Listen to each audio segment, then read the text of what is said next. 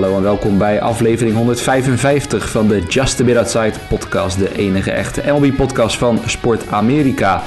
En eh, ja, wij waren ook een tijdje op het slot, net zoals MLB een tijd op het slot was. Maar we zijn van het slot af. De lockout in MLB is voorbij. En ik, Justin Kevenaar, ga het daar in een uh, ja, toch soort van emergency podcast vandaag met Jasper Roos over hebben. Want ja, Jasper, het uh, duurde drie maanden, maar honkbal komt weer terug. Baseball. Oh, ja, het heeft even geduurd, maar we zijn er weer. Ja, het leek wel alsof we ook gelocked out waren natuurlijk uh, tijdens mm -hmm.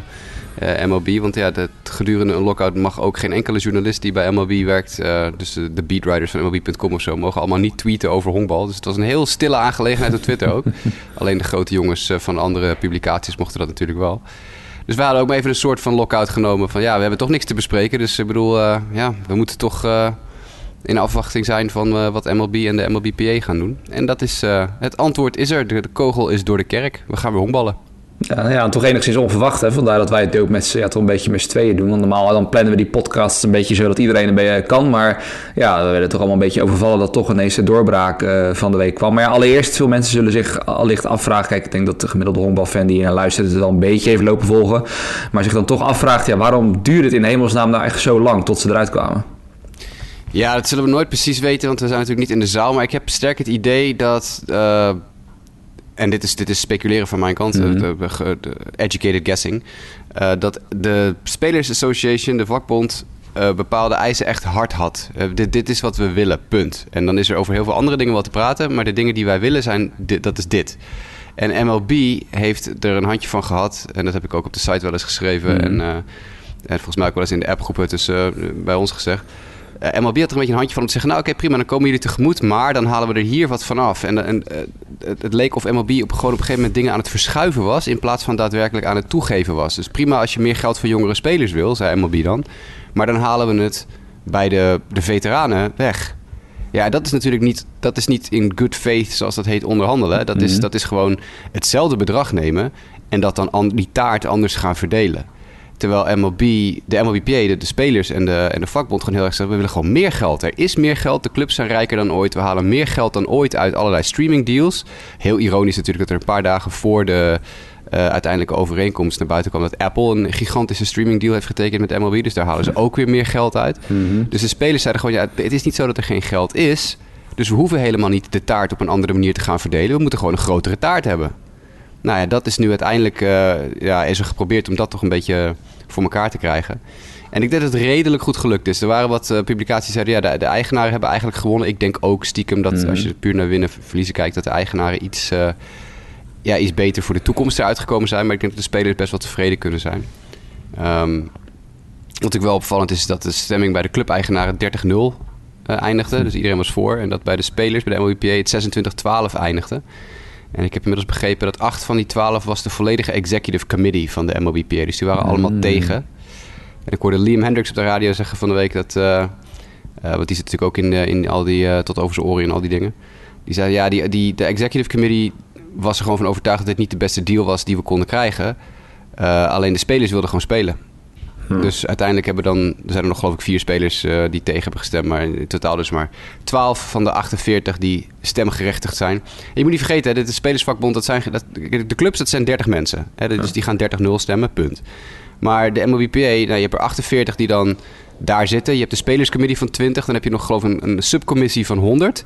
En daaronder zitten nog 12 tot 1400 gewone spelers. Dus die vakbond is bijna 2000 man groot. Dus het is een stuk moeilijker voor de vakbond om ja. natuurlijk unaniem te stemmen dan uh, voor de clubeigenaar is. Ja, ja. Nou ja, nou ja een soort, soort van helder. Dat is natuurlijk meteen de vervolgvraag. Uh, hè, er staat trouwens voor de mensen die dat uh, nog niet hebben gelezen... sowieso natuurlijk een goed artikel op de site uh, van jouw hand... waarin een beetje opgezomd staat wat er nou precies verandert. Want hè, dat zullen veel mensen zich natuurlijk dan ook afvragen. Wat gaat er precies veranderen? Er verandert heel veel, maar wat zijn een beetje de, de dingen... die in ieder geval ook wij als fans het meeste zullen gaan merken?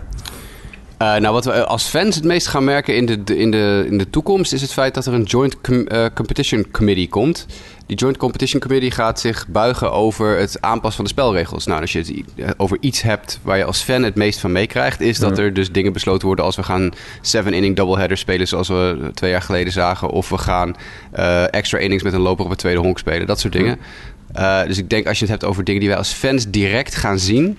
Nou ja, dat is dan vanaf volgend jaar, want in 2023 uh, gaat die commissie beginnen.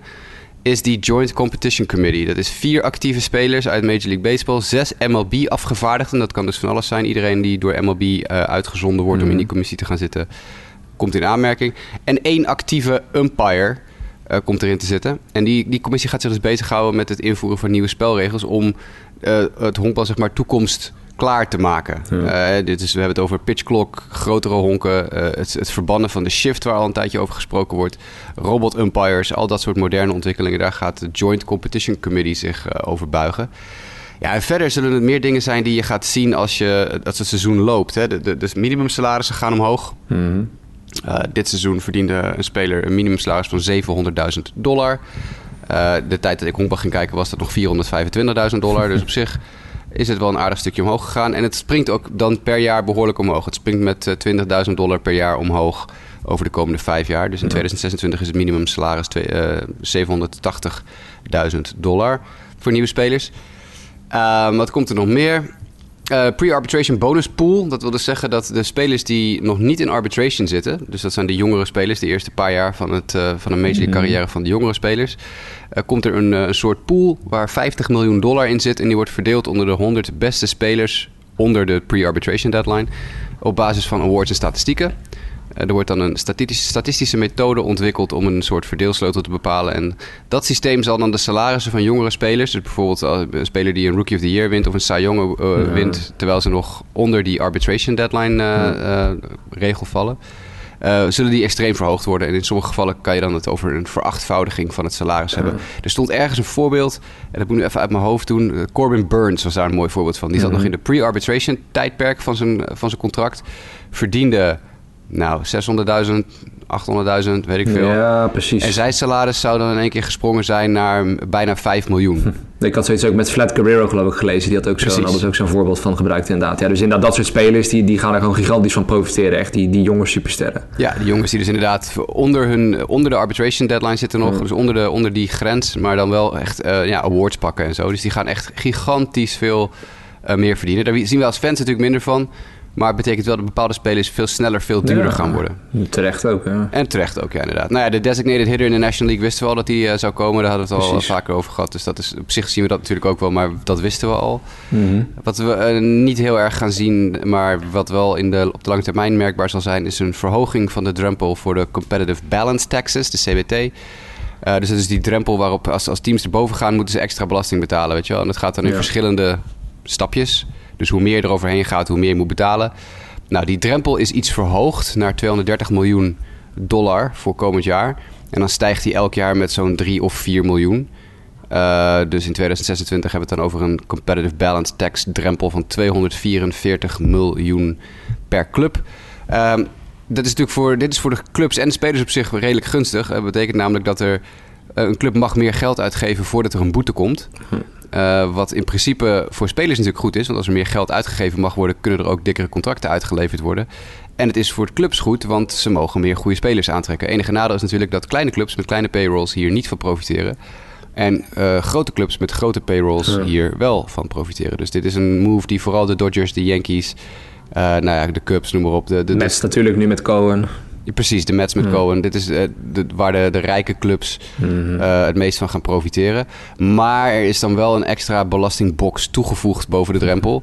Dus je kan niet helemaal... Er, nu knalden heel veel teams er vaak lachen. Dat hebben we heel vaak besproken in de podcast. Hè? De Dodgers en de Yankees knalden lachend ja. door die luxury tax heen. En, uh, en zwaaiden dan vrolijk naar de competitie... terwijl ze nog eventjes een, een belastingboete aftikten... die groter was dan de payroll van de Indians. Slash Guardians. Ehm, dus dat is, ze hebben nu wel een extra box erboven toegevoegd om dat minder ja. um, makkelijk te maken. Nou ja, dat noemden ze ook de Steve Cohen tax, geloof ik, had ik al ergens gelezen. Precies, om uh, te ja. voorkomen dat hij inderdaad meteen... Het, nou ja, het is natuurlijk vrij nieuw bij de Mets. Die wil natuurlijk flink gaan uh, splashen met zijn geld. Dat die, uh, doet nou hij ja, al? Ja, dat doet hij, dat doet hij inderdaad ook al. Maar inderdaad, dat het ook weer niet te gek wordt, zullen we maar zeggen. Nee, inderdaad. En het was natuurlijk wel extra opvallend dat juist bij dit soort dingen... de discussie, de, de, de, de lekken die we kregen uit de... Uh, verschillende meetings die MLBPA en MLB hadden... dat het juist de Mets, het Mets-contingent was dat zo dwars lag. dat de Mets-spelers vaak wat tegenstemden... en dat ook aan de kant van de owners de Mets-owner vaak ja. een tegenstemmer was. Dus blijkbaar ja, waren er toch nog wat regeltjes... waar de Mets dachten, daar gaan we problemen mee krijgen in de toekomst. Dus uh, nou ja, goed, uiteindelijk... Uh, is dat allemaal met de sister afgelopen. Het is natuurlijk opvallend dat Max Scherzer de, het hoofd is van de Players Association Ah, eh, ah. afvaardiging. Precies. Ehm, maar voor de rest, eh, ja, ik denk dat dit niet ideaal is dat je het zo aanpakt. Want ik denk nog steeds dat de rijkere clubs hier beter van gaan Ja. worden. Maar goed, we zullen dat in de toekomst even moeten bekijken hoe, eh, hoe of wat. Wat hebben we er meer? Oh, de, de draft lottery. We krijgen een draft lottery in MLB. Eh, dat hebben we natuurlijk in de NBA al.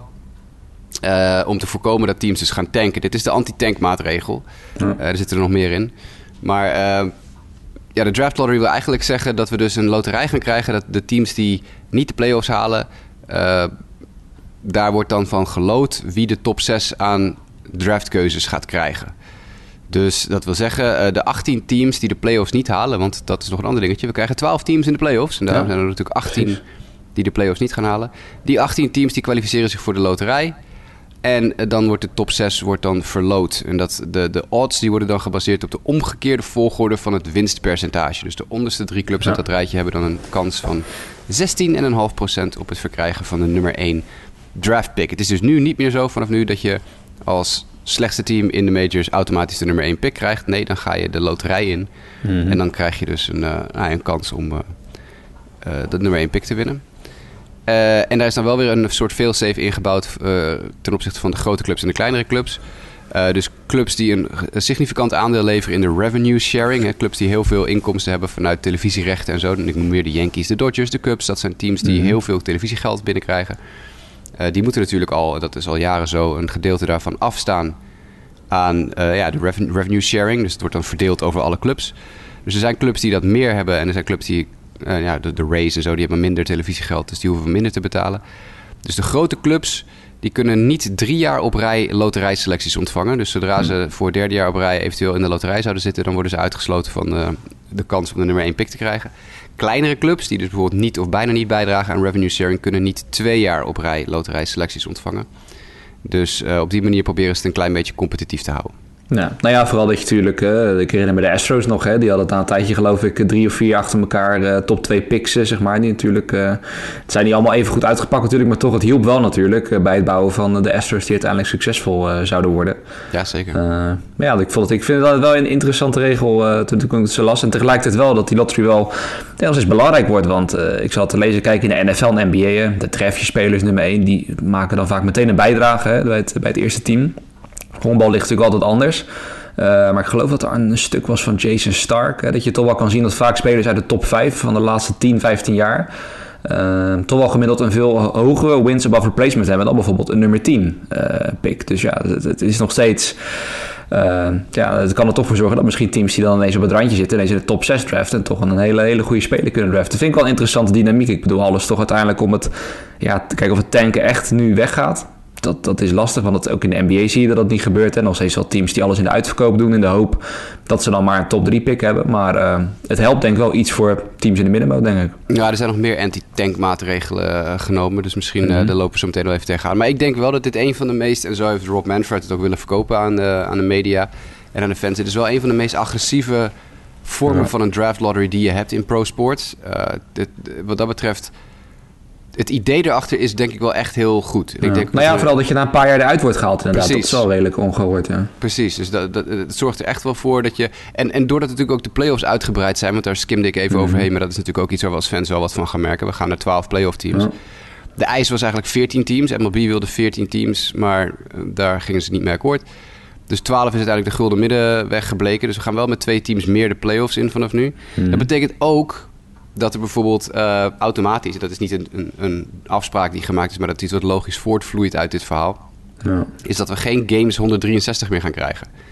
Oh. Eh, en, ja, helaas. Ik vind dat de, de, mooiste wedstrijden van het jaar Elke is toch weer op hopen tiebreaker-wedstrijd. inderdaad. Maar door het drukke playoff-programma kan Ja. dat dus niet meer. Dus ze hebben nu gezegd, als aan het eind van het jaar twee teams gelijk staan... dan gaan er een soort NFL-achtige eh, ja, tiebreaker-berekening Precies. gaat erop losgelaten worden. En hoe dat dan precies werkt, weet ik niet. Maar een hele reeks tiebreaker-mogelijkheden bij de NFL... dat zal jij ongetwijfeld eh, beter weten dan ik. Is, is er ook Ja. zo'n formule voor als je gelijk eindigt. En die, eh, die wordt bij honkbal nu ook losgelaten. Dus Ja. geen Games 163 meer. Eerst head-to-head vaak inderdaad, hè, dan binnen de eigen divisie, dan binnen de eigen league. En dan, eh, nou ja, dan is er altijd wel iets wat het een doorslag gaat geven uiteindelijk, als het goed is. Precies, dus dat is de jammer. Helaas geen tiebreaker wedstrijden meer, want ik vond ze altijd wel heel vet. Mhm. Zeker ook omdat, ja, teams toch altijd een beetje extra uitpakken tijdens dat soort wedstrijden met leuke nou, acties of uh, fanacties of zo. Maar goed, uh, je, je, moet natuurlijk alle wildcard-wedstrijden tegelijk kunnen laten beginnen. Dus je kan dan niet meer ineens... Oh, we hebben nog één plek waar nog een wedstrijd gespeeld moet worden. Dan schuift het hele playoff systeem. Hele, al die twaalf teams moeten een dag opschuiven. Dus dat, uh, dat is er dan uit. Maar wel twaalf playoff teams. Ik denk op zich... Ja, aan de ene kant, het, het, het, risico dat je loopt... is natuurlijk op het moment dat je bijna de helft van al je teams de playoffs ingooit, is dat het de regular season gewoon minder belangrijk wordt. En dat zie je in de mhm. NBA ook al een beetje. Er gaan zoveel teams de playoffs in dat het eigenlijk niet meer interessant is om het, de rest van het seizoen te volgen. En honkbalseizoen is al zo lang. We hebben al 162 wedstrijden en daar klagen al heel veel mensen over. Mm ik, ik, ja, wij zitten hier natuurlijk in microfoons te praten over honkbal, dus wij zien er het liefst gewoon zoveel mogelijk. Maar op het moment dat je natuurlijk zegt, nou de helft van de league haalt de playoffs. Uh, wie gaat er dan nog naar de regular season wedstrijden kijken? Dus 12 is denk ik wel de absolute max die je zou kunnen doen. Ik denk dat dat wel inderdaad een, een, een, goede middenweg is. Plus in de zin van hè, natuurlijk de eerste twee, uh, de, de, beste twee division leaders, die krijgen een, uh, ja, die krijgen een weekje vrij, zullen we maar zeggen. Dus er is dan wel nog incentive om in ieder geval je best te blijven doen natuurlijk, hè, als je er goed voor staat. Ja. Uh, en ook voor die, hè, dat is dan ook de nummer, de derde divisiewinnaar en dan de, de beste wildcard, die krijgen dan nog een thuisvoordeel in die eerste series. Dus ja, dat, dat kan dan ook nog wel een reden zijn. Dus ik denk dat ze daarmee hebben geprobeerd om ja, te voorkomen dat teams die op een playoff plek staan een beetje denken van nou, het, het zal wel die laatste twee, drie weken. Uh, dat je nou echt je best blijft doen om je plek te behouden. Zodat je of dus een bye hebt of die thuiswedstrijden hebt. Ja, en het is ook nog in de gaten houden natuurlijk dat, dat hele thuisvoordeel van de All-Star Game, dat geleuter, dat is ook weer uh, een kwestie. uh, wat ik last van de week, dat heeft niks met de CBA te maken, maar ze zijn nu van plan om eventueel de All-Star Game te laten beslissen door de Home Run Derby. Oh, dat lijkt, me, dat lijkt me wel. Maar goed, dat is allemaal nog. Uh, dat is niet, uh, heeft hier niks mee te maken verder, maar dat lijkt me wel extra grappig. Ja. Um, wat hebben we verder nog? Oh, het, uh, dit is ook wel interessant. er komt mogelijk een internationale draft. Dat is nog niet 100% oh, ja. er doorheen gedrukt, maar het, het, het, schijnt er toch echt wel aan zitten te komen. Ik, ik hoorde ook weer Liam Hendricks van de week op de radio, die is daar radicaal mee oneens. Uh, mm -hmm. Want die zegt, uh, ja luister, anders met een internationale draft was ik nooit uh, in de Major League terechtgekomen. Want er waren er gewoon niet genoeg scouts in Australië geweest om mij te scouten. Of er waren gewoon niet genoeg mm. scouts in die regio's van de wereld geweest. Um, maar het idee is dat we dus toegaan naar een internationale draft. Het huidige systeem is natuurlijk een financieel compensatiesysteem. Dat we gewoon zeggen, luister, op een gegeven moment gaat de internationale markt open. Mm -hmm. En dan mogen spelers gewoon contracten krijgen met een max per team van hè, bonuspool. Dus ieder team mm. krijgt pak een beetje 5 miljoen dollar om uit te geven. En hoe je dat verdeelt onder de spelers als je... Uh, 15 spelers voor een x-bedrag wil halen voor allemaal hetzelfde bedrag, dan kan dat. Maar als je er twee wil halen en daar al je 5 miljoen aan wil uitgeven, mag dat ook. Mm dat systeem gaat er dus uit. Dat systeem heeft natuurlijk nadelen, want dat zorgt er ook voor dat je helemaal van die buscones hebt. Hè. Dat zijn dan die jongens die in de Latino-markt uh, als een soort agents zich opwerpen. Die zien een jongetje honkballen op de hoek van de straat en die gaan hem dan een beetje begeleiden. En aan het eind van de rit krijgen ze een behoorlijk percentage als de jongens tekenen. Dat systeem wil je er natuurlijk uit hebben. Daarnaast zijn er meerdere teams door de jaren heen gepakt op het skimmen van geld. Jim Bowden onder andere, die nu bij MLB Network werkt, is in de tijd dat hij bij uh, uh, de Nationals werkte, is hij ook uh, verdacht van het skimmen van internationale bonussen. Dave Wilder, voormalig, het is ook alweer 15 jaar geleden hoor, voormalig internationaal scouting director bij de White Sox, heeft flink wat geld gejat door mm, okay. tekenbonussen in zijn eigen zak te steken. die is ook de gevangenis ingegaan uiteindelijk. Uh, en natuurlijk het hele gedonder rond de Braves met uh, John Coppolella van een paar jaar geleden, die ook de internationale bonuspool gemanipuleerd had. Uh, en daardoor uiteindelijk voor zijn leven geschorst is door MLB vanwege al die praktijken. dus er zitten ook echt wel wat, wat, problemen, wat haken en ogen aan het huidige financiële compensatiesysteem. Hmm. maar een internationale draft, ja, daar zitten ook natuurlijk wel wat, wat, haken en ogen aan. Als de internationale draft ingevoerd wordt, dan hebben we het over 20 rondes internationale draft. Hmm. En dat betekent dus dat automatisch al meteen zo'n ongeveer 600 spelers gedraft zouden kunnen worden. Want 20 rondes keer 30 teams is 600 spelers. Uh, en dat is op zich wel een hele grote toename ten opzichte van het huidige systeem. Want als je natuurlijk iedere organisatie 5 miljoen, ik noem even wat, een bonuspool van 5 miljoen dollar geeft. Ja, als het geld op is, is het geld op. En dan kan je, ja, je kan misschien een keer ja, in een normale signing period tekenen teams misschien een keer wat, vier of vijf spelers max. Uh, en dat is keer 30. Dus dan zit je op, uh, nou wat is het, 120 spelers of zo? Ja. En nu gaat het dus naar 600. Uh, dus dat gaat de internationale groep spelers ongeveer 20 miljoen dollar per jaar extra geld opleveren. Maar dan wel in natuurlijk kleinere brokjes per spelers. Ja. Want die tekenbonussen worden lager. Uh, maar ze worden wel dan weer omge omgezet in gegarandeerd geld. En dat is ook niet altijd het uh, geval bij het huidige internationale systeem. Dan werden ze, werd niet altijd werd de tekenbonus gegarandeerd. Dus er zitten wat, wat voordelen, er zitten wat nadelen aan. Ik, uh, ik denk dat Liam Hendricks zich wel een punt heeft als hij zegt... hij nam dan de Netherlands als voorbeeld. Dus we gaan een dikke shout-out naar Liam Hendricks... voor het, uh, het noemen van uh, Germany in the Netherlands... met zijn mooie Australische Kijk. accent op de radio. Dat hij zegt, ja, dat, spelers uit dat soort landen die krijgen onder dit systeem... die zijn echt afhankelijk van scouts die naar die landen gaan... om die spelers op te zoeken. Of, of, nou ja, goed, natuurlijk videocontent en dat soort dingen meer. Of spelers die naar showcases toe gaan in Amerika. Maar ja, het, als je natuurlijk een internationaal draft systeem hebt... dan moeten clubs moeten meer geld gaan investeren in scouting... in meer verschillende landen. Want kijk, die internationale draft, laten we wel opwezen... Die, de, de, de, huidige internationale signing period... Uh, 98% van de spelers kwam uit uh, uh, Zuid-Amerika, Midden-Amerika. Ja, precies. Dat is makkelijk. Daar, zit je, daar, daar, hoeven, daar hoeven ze niet eens meer een scout naartoe te sturen. Daar hebben al die clubs hebben daar al Dominican Summer League complexen ja, en zo. precies. Die maar als je echt, op, ja. Precies. Als je wil gaan draften vanuit Australië, vanuit Nederland, vanuit Germany, Duitsland, zoals Liam Hendricks zei, vanuit Italië... Uh, Tsjechië, noem maar op. Uh, ja. Japan. Nou ja, Japan is dan ook wel redelijk georganiseerd, dus dat is ook weer minder belangrijk. Ja, als je misschien wel meer beeld hebt ook of zo, omdat ze daar in de jeugd allicht uh, Precies, van hebben. Ja. Dus je moet, wel, je moet wel uitkijken dat, je niet, dat die internationale draft niet gewoon 600 spelers uit de Dominican en Venezuela worden en zo. Want dan ben je juist, het plan van Manfred is natuurlijk al jaren, we moeten honkbal een wereldsport maken. En dat, dat, dat ben je dus juist nu weer aan het ongedaan maken. Uh, daar hebben ze wel een klein soort bonusje ingebouwd in die internationale draft. Het, uh, clubs die dus draften vanuit groeilanden, zoals dat dan heet in de MLB-termen. Dat zijn landen met uh, minder dan een half procent van het aantal draftpicks uit de drie voorgaande drafts. Die clubs die zullen extra draftpicks ontvangen om het scouten en het draften in die honkbalarme landen te stimuleren. En met honkbalarme landen bedoelen ze dus inderdaad landen als Nederland. Hoewel we natuurlijk heel gek om dat te zeggen, ja. want we zijn natuurlijk wereldwijd gezien geen honkbalarm land. Maar uh, ja, in het perspectief van Midden- en Zuid-Amerika uh, en, en uh, Noord-Amerika zijn we dat natuurlijk wel. Maar bijvoorbeeld draften uit inderdaad Australië, uit Duitsland, uit Italië, uit Nederland, uit nou ja, Oeganda, waar Precies, de Lionel altijd van zegt dat er een nieuwe, nieuwe generatie talent aan zit te komen. Zuid-Afrika, noem maar op. Ja. De, dan krijg je dus, word je dus wel beloond. Dus op zich stimuleert het dat wel. Maar ja, ja ik weet niet hoe lucratief het is voor, voor teams om extra scouts naar dat soort landen te sturen. Maar goed. Dat is dan een, een, een volgend dingetje. Wat hebben we nog meer? Oh ja, het... Uh, uh, de spelers waren niet super enthousiast over het invoeren van die internationale draft. Omdat het natuurlijk minder geld oplevert mm -hmm. per speler uh, in, in, de, in de grote grand scheme of things. Mm. Maar toen heeft MLB gezegd, nou weet je wat we dan doen? Om dat goed te maken dat we de internationale draft willen... dan verwijderen we het qualifying offer. we hebben het heel vaak natuurlijk de laatste paar jaar gehad over... krijgt deze speler als zijn contract afloopt ja, een qualifying precies, offer of niet? In, het, in de NFL noemen ze dat de franchise tag.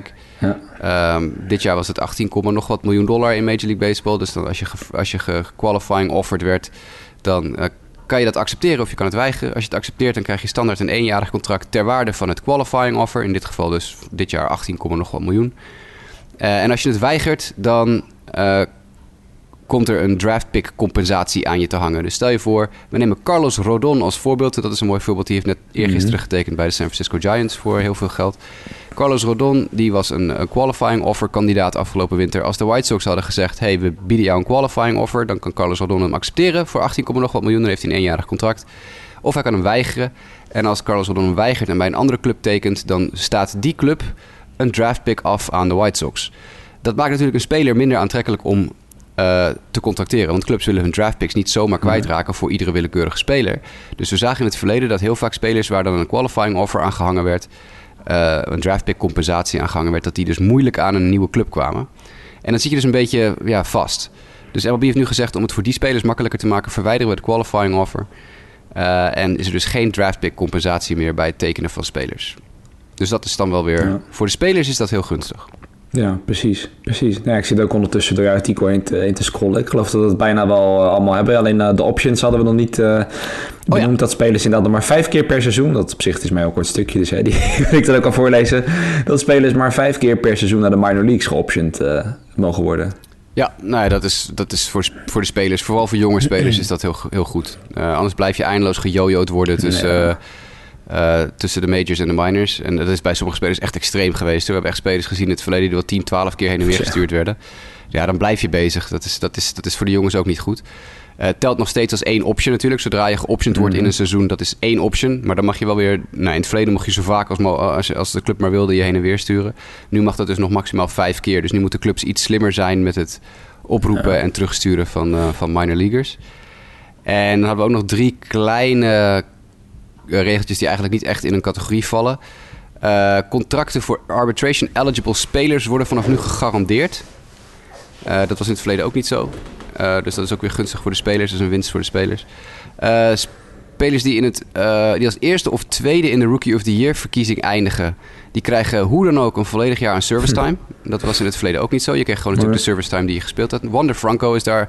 Eindigde Wander Franco eerste of tweede afgelopen seizoen Rookie of the Year? Ja, Aros Arena was eerste, hij was geloof ik tweede, of niet? Denk het wel, ja. Denk het wel, nou, Dan zou het in het geval van, van Wander Franco dus heel erg gunstig zijn geweest als dat systeem er al was. Want Franco die werd natuurlijk pas in juli of zo opgeroepen.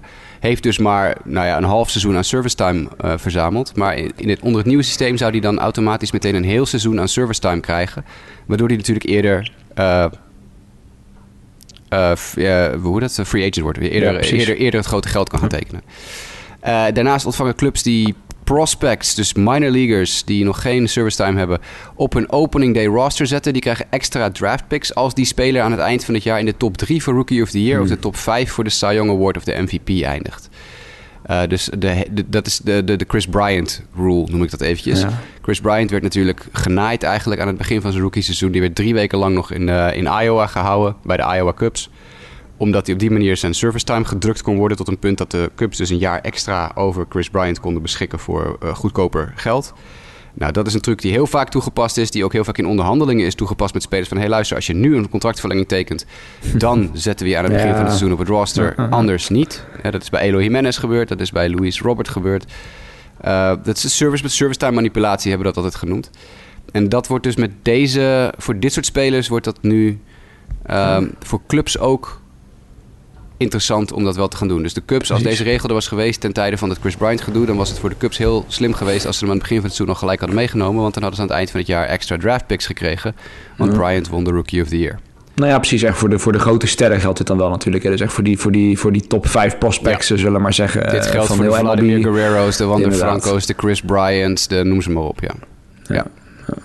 Dat is allemaal anti, uh, anti-service time manipulatie. Precies, ja, dat is ook denk ik alleen maar een uh, goede zaak. Nou, we hebben denk ik in ieder geval de hoofdpunten wel uh, behandeld. Het is in ieder geval, uh, nou ja, natuurlijk al met al, ze, ze, waar we al mee begonnen, goed nieuws dat het voorbij is, de lockout. Want ik zat ook al toevallig op de homepage van Sport Amerika film op... dat op vier van de, van de drie coverfoto's staat Rob Manfred met zijn kop. Ja, als je nu naar de MLB-pagina gaat inderdaad. Het, ja. is, het is allemaal Robbie. Daar zijn we nu hopelijk al vanaf uh, hierna. Nou, ik ben sowieso die man wel een beetje zat, maar... dat, ja, die heeft zich niet. Uh, kijk, uh, commissioners in de grote sport hebben het sowieso vaak al. Uh, het zijn niet de meest populaire figuren, maar. Behalve ja, Adam denk, Silver bij de NBA. Die ja, ik kon het zeggen, die staat er wel relatief goed op. Maar ik denk in dat zeggen de strijd met Roger Goodell in de NFL. Dat die heeft. die heeft op Manfred vooralsnog nu wel tussen haakjes gewonnen, denk ik. Als meest impopulaire commissioner. Dat denk ik ook wel. Ja, ja dat is ook het verschil tussen de NBA bijvoorbeeld en MLB. NBA, dat is een samenwerking tussen de clubs en de spelers. En de, en de mhm. bond en de spelers. Dat, daar zie je echt een soort saamhorigheid. Daar is daar is niet zoveel haat en nijd onderling. Er is bij MLB is het gewoon echt... één keer in de vijf jaar is het radicaal tegenover elkaar staan. En dan inderdaad, dus bijvoorbeeld, nou ja, wat Liam Hendricks dan van de week op de radio zei. Lance Lynn heeft het ook al gezegd op de radio een tijdje terug. Die zei van ja, dan, dan komen wij met een voorstel. En dan zegt MLB nee. En dan komen ze niet terug met een tegenvoorstel. En dan zeggen ze: Oké, hier is ons tegenvoorstel. En hier is de deadline, die is morgen. en als we dan voor een deadline, ineens een arbitraire deadline, als we die deadline niet halen, dan gaan ze een keer weer een week niet met ons praten. Terwijl wij gewoon de dag daarna wel weer wilden onderhandelen, weet je wel. En dan zeiden ze gewoon: Nee, we gaan nu gewoon een week niet praten. Ja, zegt hij: Geen wonder dat het dan een maand langer duurt dan nodig. ja, nee, dat is tamelijk, uh, tamelijk bizar. Maar goed, uiteindelijk gaat het, uh, gaat het honkbal terugkomen. Betekent in ieder geval ook weer, want dat is dan misschien wel het andere punt om nu te behandelen. Dat spelers natuurlijk weer mochten tekenen. Want uh, nou ja, we hebben allebei de tracker voor ons via ESPN. En de laatste signings waren dus eigenlijk hiervoor op 1 december. Toen spelers nog snel uh, ja, tekenden, omdat natuurlijk iedereen wel wist welke kant het, het opging. Dus voor sommige spelers ja, was het nuttiger om al te tekenen. Natuurlijk ook een hoop die nog hebben moeten wachten. En nou ja, dat was de allereerste. Dat is dan toch wel mooi, de first post-lockout signing. Dat is dan toch wel even leuk om te benoemen. We gaan ze niet allemaal behandelen, maar Drew Verhagen die had eh, de mooie eer om uh, nou, de eerste te zijn, hè? Die in het uh, nieuwe tijdperk, zullen we maar weer zeggen, van MLB getekend had. De Flying Dutchman, noemden ze hem bij de ja. Tigers, of de Dutchman. ja, Drew Verhagen. Nou ja, geen goede pitcher, maar veel plezier met de Cardinals. Ik kan zeggen, toch mooi voor op zijn Wikipedia-pagina erbij te zetten van... Hij was de first post-lockout signing. En het is wel leuk dat hij weer terug is uit Japan natuurlijk. Hè? Want hij heeft ja. twee jaar voor Nippon gespeeld, geloof ik, Nippon Ham Fighters. Zes seizoenen bij de Tigers en nu terug in MLB. Ja, ja. Nou goed, laten we daar wat deals uh, dan, dan eruit halen. En, uh, laten we misschien beginnen met Rodon. Die haalde net natuurlijk al eruit. Um, die natuurlijk dan naar de San Francisco Giants gaat. Um, ja, voor jou als White Sox fan, was het te verwachten dat hij wegging? Nou ja, hij had de qualifying offer niet gekregen. Uh, ik nam hem dat als voorbeeld. De White Sox hebben hem geen qualifying offer aangeboden. Krijgen dus ook geen draft picks voor het feit dat Rodon naar de Giants gaat. Dit is een, voor Rodon een hartstikke mooi contract. Het is een waanzinnig... Mm ja. Uh, aardige gast. Het is iemand die natuurlijk zijn hele leven bij de White Sox heeft gezeten. Uh, gedraft, opgeleid. Uh, door alle pijn en ellende heen gegaan met de White Sox. Meerdere keer geopereerd. Vreselijk slecht geweest. Ja. En nu in één keer dat laatste seizoen... dat hij echt de, ja, een van de beste pitchers in, in, in Major League Baseball was. Dit, ik, ik denk dat er niemand is... en als je ook op Twitter kijkt... de White Sox fans gunnen Carlos Rodon deze deal. Ja, echt verschrikkelijk. Like, dit is gewoon... Dit, weet je, twee jaar, 44 miljoen... Uh, eh, 22 miljoen per jaar, dat is boven de qualifying offer price. En, en het is een meerjarige deal. Uh, weliswaar maart tussen aanhalingstekens 2, maar het is uh, toch een meerjarige deal. De White Sox hadden hem dit sowieso nooit gegeven. Want die hebben geld nodig om op andere plekken het team te versterken. Dit is mhm. te veel voor hun. Dus gun het voor Rodon van harte. En ik hoop dat hij het heel goed gaat doen bij San Francisco Giants. Want het is gewoon echt een heel echt een goede kerel. En iemand die nou, alle succes verdient. Dus. Ja, ja. Ja, ja precies. En dat, was eigenlijk ook een van de eerste signings die, eh, die werd gedaan. Verder ook uh, Simmons, bijvoorbeeld onze landgenoot, bij de Cubbies heeft uh, getekend voor één jaar en, en 4 miljoen. Die daar toch wel waarschijnlijk voor zijn defense voor versterking zal, uh, zal moeten zorgen. Nou, nou, dat, betekent wel, dat betekent wel als de Cubs naar... Ik weet niet of de Cubs tegen de Blue Jays spelen komend jaar, maar dan mag Andretton niet mee naar de uitwedstrijd. Ah nee, dat is natuurlijk een dingetje. Want ja, helemaal niet benoemd inderdaad. Spelers maar, komen Canada niet in, dus... Nee, dat had je natuurlijk in de, ik geloof in de NBA ook nog steeds van inderdaad. Dat met Canada inderdaad, uh, nou ja, dat is dan vooral Kyrie Irving geloof ik en niemand anders. Nee, precies. de NBA volgen, maar die mag dan, uh, die mocht eerst niet in, in, zijn eigen Brooklyn spelen en niet in, uh, in Toronto. Maar ja, dat ga je nu natuurlijk niet met honkballers ook krijgen, ja, want dat ik weet niet hoe die, hoe die uh, hoe zeg je dat, uh, hoe de data er nu voor staan, zeg maar, qua gevaccineerde spelers. Maar uh, ja, sommige teams gaan er harder door geraakt worden, denk ik, dan andere teams. ja, ik heb ervoor staat als een half jaar geleden. Nee, het is wel echt heel hoog geworden. Inmiddels ook. NFL is ook heel hoog geworden. Ik wil zeggen, NFL is heel hoog geworden. Ja, dus dat gaat wel de goede kant op. Nou, Oké, nou ja, Simmons is in ieder geval daarin. En dan misschien niet tegen de Blue Jays alleen, maar Clayton Kershaw, dat viel me ook op. Hè? Die, uh, die keert toch gewoon nee, ja, terug naar de vertrouwde Dodgers. Hè? Het is al maar voor één jaar, maar uh, ja, blijft in de, in de vertrouwde omgeving. Ja, ik denk dat niemand Kershaw in een ander uniform kan zien. Het is één jaar 17 miljoen, dus het is net onder de, de qualifying offer grens. Dus ja, nee, dat is, ik denk dat niemand had verwacht eigenlijk dat Kershaw ergens anders heen zou gaan. Nee. Nou ja, goed, we hebben allebei die tracker voor ons. En nog een andere uh, signing waarvan je echt zegt van dat is echt heel interessant.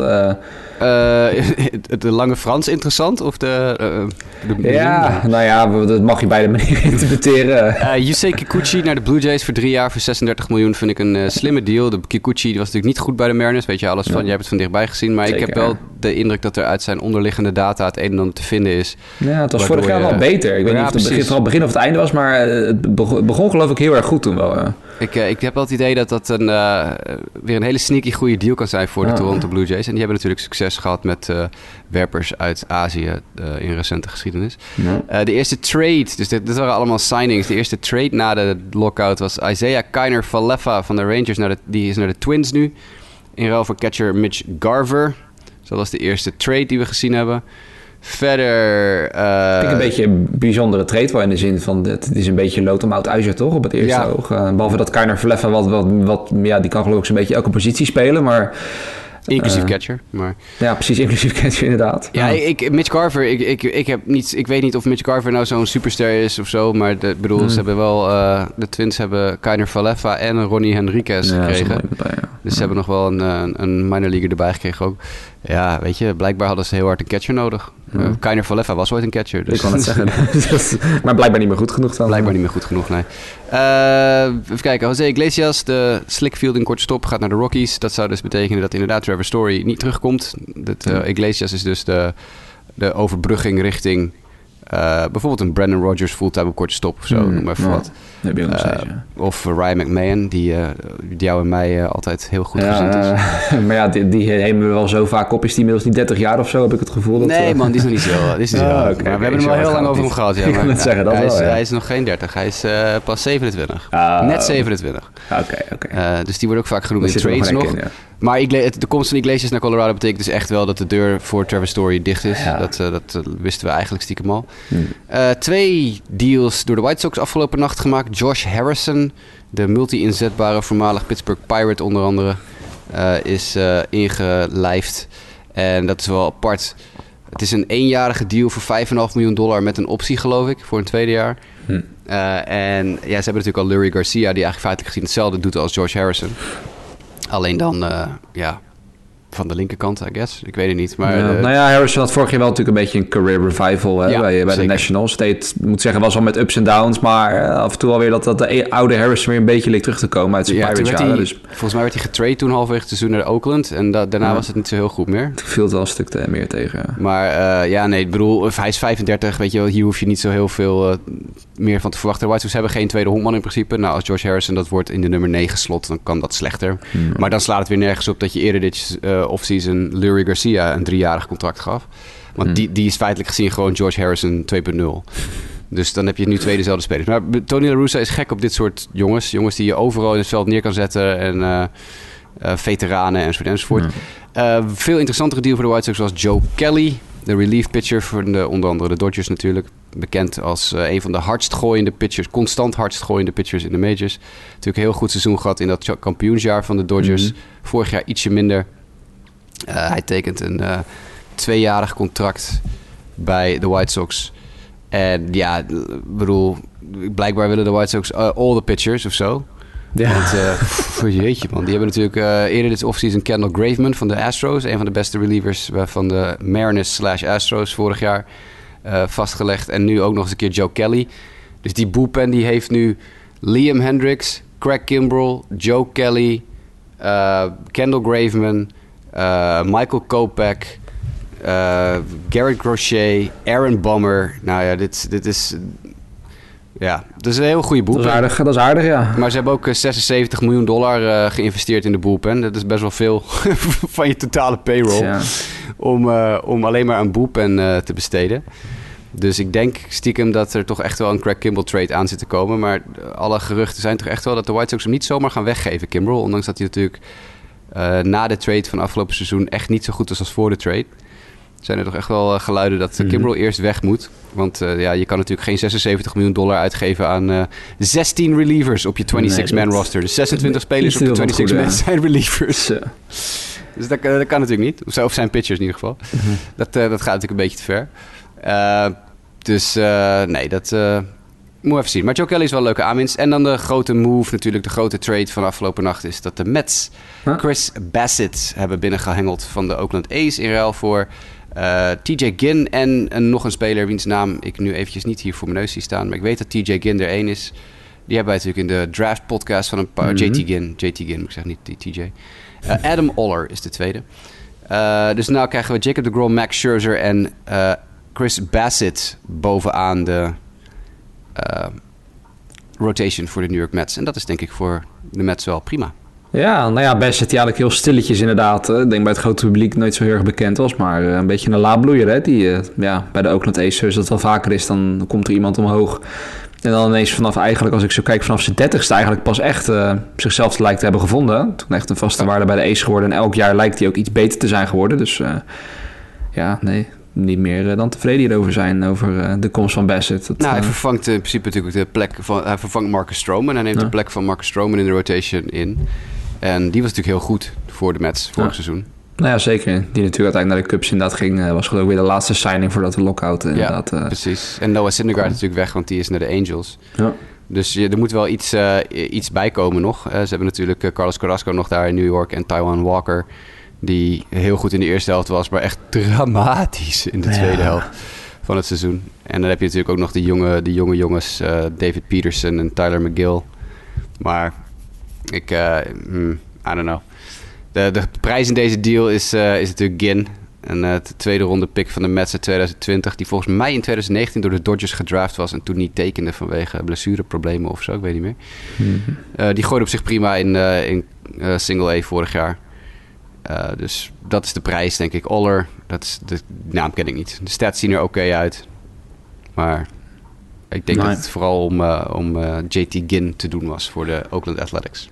Ja, nou ja, dan is het nu vooral, hè, we hadden het niet per se in onze mini-outline uh, neergezet, maar het vooral toch wachten, want de komende week, ik gok dat het dan hard zal gaan, want uh, springtraining begint volgende week nu geloof ik al, of tenminste de geïmproviseerde, vier dagen, uh, vier dagen zelfs al, de geïmproviseerde springtraining. Maar ja, er zijn toch wel wat gasten, ik noem maar even een paar namen op hier, Freddie Freeman bijvoorbeeld, die dan getekend heeft, Chris Bryant, Carlos Correa, Trevor Story die we net noemden natuurlijk, hebben we nog Kyle Schwarber, en eens even kijken, Nick Castellanos, Michael Conforto en Nelson Cruz en Zach Greinke. Dat zijn denk ik wel een beetje de namen die uh, Nou, en die Japaner die aanspreken. Seiya Suzuki. Die uh, Japanse Oh ja, tuurlijk. ja, ja tuurlijk. Die, onze ja, Japanse die, nieuwkomer. Oh. Ja, die moet ook nog eventjes gehaald worden. Door een, door een team. ja, wie denk je dat het eerste, de eerste kogel door de kerk gaat? Ja, ik zit ook een beetje te kijken op basis van wat ik de afgelopen twee dagen op Twitter een beetje bij heb zien komen. Maar zou mij niks verbazen als uh, Carlos Correa de eerste is. Ja? Hmm. Ik weet niet, ik dacht zelf aan Freeman, maar ja. Freeman wel interessant. Daar waren we toch allemaal vrij zeker van dat hij terug zou gaan naar de Braves. Maar dat blijkt nu toch wel uh, dat, dat, dat ze wat verder uit elkaar zitten dan dat ze zouden willen. Ja, Dodgers. Uh, terwijl iedereen het toch als een gegeven zag. Ja. ja, Dodgers worden nu vaak eraan gelinkt inderdaad. Ja, die kunnen waarschijnlijk wel bieden wat hij wil, denk ik. Precies. Ja. Nou, en de Cubs waren heel erg in uh, met Carlos Correa, hoorde ik. Dus die, uh, hmm. die, die, waren echt heel ver. En dat zou dan weer een soort vergelijkbare move zijn voor de Cubs... als dat ze een paar jaar geleden toen midden in een rebuild... of aan het begin van een rebuild John Lester haalden. Ja, en toen werd er in een paar jaar toegewerkt naar die World Series titel. En ik denk dat ze eenzelfde soort benadering willen gaan nemen. We pakken één superster en daaromheen bouwen we de komende paar jaar een kampioensteam. Dus dat zou dan Korea moeten worden. Hm. Um, Castellanos en de Reds uh, zijn niet aan het praten op dit moment, hoor ik. Dat is opvallend. Heel veel Reds-fans willen hem natuurlijk graag terug hebben. Maar de Reds zijn uh, in financieel budget-slashing uh, ja, mode. klopt, ja. Dus die gaan zoveel mogelijk geld... Maar de fans niet zo blij mee, zag nee, ik. Maar nee, zeker niet. Te begrijpen ook wel, ja. Marco Conforto wordt zoals altijd, zoals al eigenlijk al het hele offseason aan de White Sox gelinkt. En het zou ook de volkomen meest logische keuze zijn, want de White Sox hebben geen rechtsvelder en Michael Conforto mm -hmm. is een mhm. rechtsvelder. Dus dat is op zich heel logisch. Uh, Anthony Rizzo hoor ik uh, eigenlijk helemaal niks over. Dat verbaast me een beetje. Nee. nee, ik dacht heel lang wel dat dat een beetje gegeven was dat hij echt naar de Yankees zou gaan of zo. Ja. Maar het is niet, ook uh, inderdaad weinig over gehoord. Ja. Geen garantie voor succes nog. Ja, en dan de hele kwestie natuurlijk rond Trevor Story blijft interessant. Want wat doe je met Trevor Story? Ik denk niet dat hij gaat krijgen wat hij wil hebben. Maar... Hmm. Ja, ja, waar zou hij het op baseren? Vooral wat bijvoorbeeld Seager en Bias hebben gekregen, dat hij dat... Uh... Ja, dat denk ik, ja. Uh, dat weet ik inderdaad niet, nee. Of ja. hij dat gaat krijgen. Ik snap dat hij het heel graag wil. zou ik ook willen. Nee, natuurlijk. Ja, ja, logisch. ja, wat gaat gebeuren, dat weet ik niet. Nou ja, wordt, uh, wordt interessant. Maar ja, wat ik al zeg, ongetwijfeld gaat dat de komende week en twee weken allemaal uh, ja, snel vallen. En dan kunnen we het zeker gaan bespreken. Want ja, honkbal is terug. En ik zie ook de definitieve datum. Die zat ik even op te zoeken. Wanneer begint het echt? Dat is uh, 7 april. Donderdag 7 april. Dan gaat het echt, echt beginnen. Nog even dan, ja, tot, toch een soort slotwoord. Dat je echt, als we zeggen twee weken geleden gedacht. Als ik toen had gezegd van nou, op 7 april gaan we toch honkballen. Wat had je dan gedacht? Je bent gek? Je bent niet goed bij je hoofd? Nou, dan was ik op zich wel uh, een drankje voor je gekocht. Daar was ik wel heel blij ja. geweest. Want uh, ik, ik zat natuurlijk zelf twee weken geleden in Florida ten tijde van die uh, de onderhandelingen ja, in Florida. Ja, nou, dus jij hebt er een handje in gehad. nou, daar, daar, ging het niet zo goed, dus ik denk het niet. Oh, nee, dat is waar. maar nee, ik, ik, ja, ik zat natuurlijk redelijk Twitter te verversen de hele dag door live. Want ja, ik zat mm -hmm. misschien, wat is het, 150 kilometer verder naar het westen van waar die spelers en, de, en MLB aan het overleggen waren. Dus ik zat er wel echt heel erg te hopen van, nou stel je voor, er komt nu nieuws, dan ben ik hier ook en dan kan ik claimen dat ik het inderdaad ja, gedaan ja, ja, heb. Dan kan ik claimen dat ik de persoon ben geweest die dit voor elkaar heeft gebokst. Um, maar ik, uh, nee, ik, uh, ik ben ontzettend blij. Ik had 1 mei hè, in de pool. Ik had, uh, ik had gezegd van het, we gaan voor 1 april hebben we wel een deal. Of rond 1 april. Maar dan gaan we nog een maand springtrainingen. En uh, dan gaan we 1 mei honkballen. Ik ben ontzettend blij dat het 7 april is. Want nu kunnen ze gewoon 162 wedstrijden doen. Dat ook, ja. Dat ook, ja. Ze niet eens benoemd, maar uh, ze gaan alles er doorheen krijgen. Alles er doorheen rammen. Ze gaan de off-days gebruiken om wedstrijden in te halen. Er gaan aan het eind van het seizoen ja. doubleheaders achter het seizoen geplakt worden... om het seizoen vol te maken. En dan geen 7-inning doubleheaders, maar gewoon ouderwets 9-inning doubleheaders.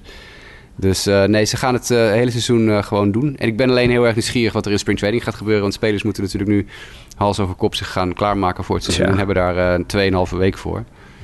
Nou, drie weken bijna. Dus ja, we zullen zien. Ik, ik ben heel benieuwd. de eerste wedstrijden zijn geloof ik 17, 17 maart, 18 maart. Rond die tijd beginnen de mm -hmm. spring training wedstrijden. Ja. dus ja, ik heb er zin in. Ja, nou ja, we mogen dan ook weer aan de bak, want dan zullen we toch weer aan previews moeten gaan beginnen en zo. En dan uh, de, de, alle signings gaan bespreken die de komende twee weken allemaal gaan komen. Dus uh, wij mogen ook uh, weer, zowel met de site als in deze podcast, weer, weer aan de bak. Maar is op zich ook niet erg, hè, na zo'n lange, ja, zo'n lange winterslaap, zullen we maar zeggen. Ja, we zijn weer terug. MLB TV is trouwens nog niet helemaal terug, zag ik. Ik uh, wilde mm. eergisteren, want ik heb dus mijn, uh, twee weken geleden mijn abonnement, mijn automatische renewal had ik opgezegd bij MLB TV. Ja. En ik, ja, ik heb geen idee wanneer er gehobbald wordt. Ik wil niet uh, de volle map betalen als ik maar een half seizoen krijg of zo. Dus ik heb mijn pakketje opgezegd. En nu is er dus weer honkbal, dus ik wilde het van de week weer aanzwengelen. Maar toen was de MLB TV website lag nog plat. Die hadden nog geen nieuwe abonnementen beschikbaar gesteld. En nu hebben ze alleen, zie ik nu net, het off-season package beschikbaar. Waar je voor 25 dollar documentaires, klassieke programma's, de World Series films, de oh. alle games uit 2021 en sommige springtraining games. Oh, sommige, kijk. Ja, maar dat, is, dat zat vroeger gewoon bij je MLB TV pakketje in. Dus waarom zou, ik, waarom zou ik een apart off-season package kopen? Als ik zo meteen het hele seizoen koop en dan zit de springtraining er weer in. betekent dit dat, dat ze dat nu weer meer geld gaan proberen te verdienen door die pakketten te splitsen? door te zeggen, je kan een regular season pakket, je moet een playoffs pakket, je moet een off-season pakket kopen. Want als dat zo is, dan ben ik weg bij MLB TV, eh, jammer genoeg. Want dat, uh, ik wil gewoon één bedrag betalen voor alles. En dan wil ik ook echt alles. Dan wil ik het hele jaar door, 12 maanden per jaar, honkbal. Ja, misschien een soort straftof voor alle mensen die, uh, in de steek hebben gelaten. Ja, ik was het dus zelf vergeten, maar nou, kreeg, ik op de, op de, op de, kreeg ik op de dag voor de vernieuwing kreeg ik inderdaad een mailtje van uh, nou ja, dat ze geen geld gingen vragen. Dat waarschijnlijk, er was al natuurlijk gigantisch veel druk op, waarschijnlijk ook uh, vanuit Amerikaanse kijkers en zo die zo'n pakketje hebben, die massaal hebben gemeld, gok ik. Het is, het is massaal opgezegd, ja. Als je kijkt op Twitter ook, het is echt massaal, is, zijn mensen hebben het tijdelijk opgezegd. Het staat hier wel bij trouwens dat het off-season pakketje van 25 dollar loopt tot 25 maart 2022, dus 12 dagen mhm. nog. Mhm. Daar ga ik geen 25 dollar voor betalen. Nee, dat lijkt me ook niet. Nee. Maar dat het ook niet automatisch her, uh, hernieuwd zal worden, jaarlijks. Dus dat zou inderdaad betekenen dat dit niet de, het nieuwe MLB TV pakket is. Maar dat het gewoon nog mhm. een uh, iets heeft. Ze zeggen dat wel in 2022 hebben ze de streaming apps geüpdate. Dat je meer dan alleen de wedstrijden krijgt in je pakketje. Dus allerlei okay. MLB network shit en zo krijg je er ook nog bij. En het is nu beschikbaar op iOS, Android, Roku, Apple TV, Android TV, Xfinity, Amazon Fire, Chromecast, PlayStation 4, Xbox One, Samsung, PlayStation 5 en je computer. Oh, nou, er zit vast wel iets tussen voor, uh, voor iedereen, gok ik dan. Maar uh, nee, goed, het is mooi. Uh, we gaan het de komende week allemaal in, in de gaten houden. Dus waar gaat iedereen tekenen? Wat gaat er in Spring Training gebeuren? En we gaan natuurlijk preview op het nieuwe seizoen. Dus nou ja, ik zou ook tegen, alvast willen zeggen tegen alle luisteraars... houd vooral in de gaten de site, deze podcast. Want het gaat weer gevuld worden met uh, honkbalcontent. En daar zijn we allemaal heel erg blij mee, natuurlijk. Jasper, jij bedankt dat je op uh, zo'n short notice samen met mij dit even kon uh, behandelen allemaal. Dat we terug zijn. Jij ook bedankt. Ja, en alle luisteraars graag tot de volgende keer.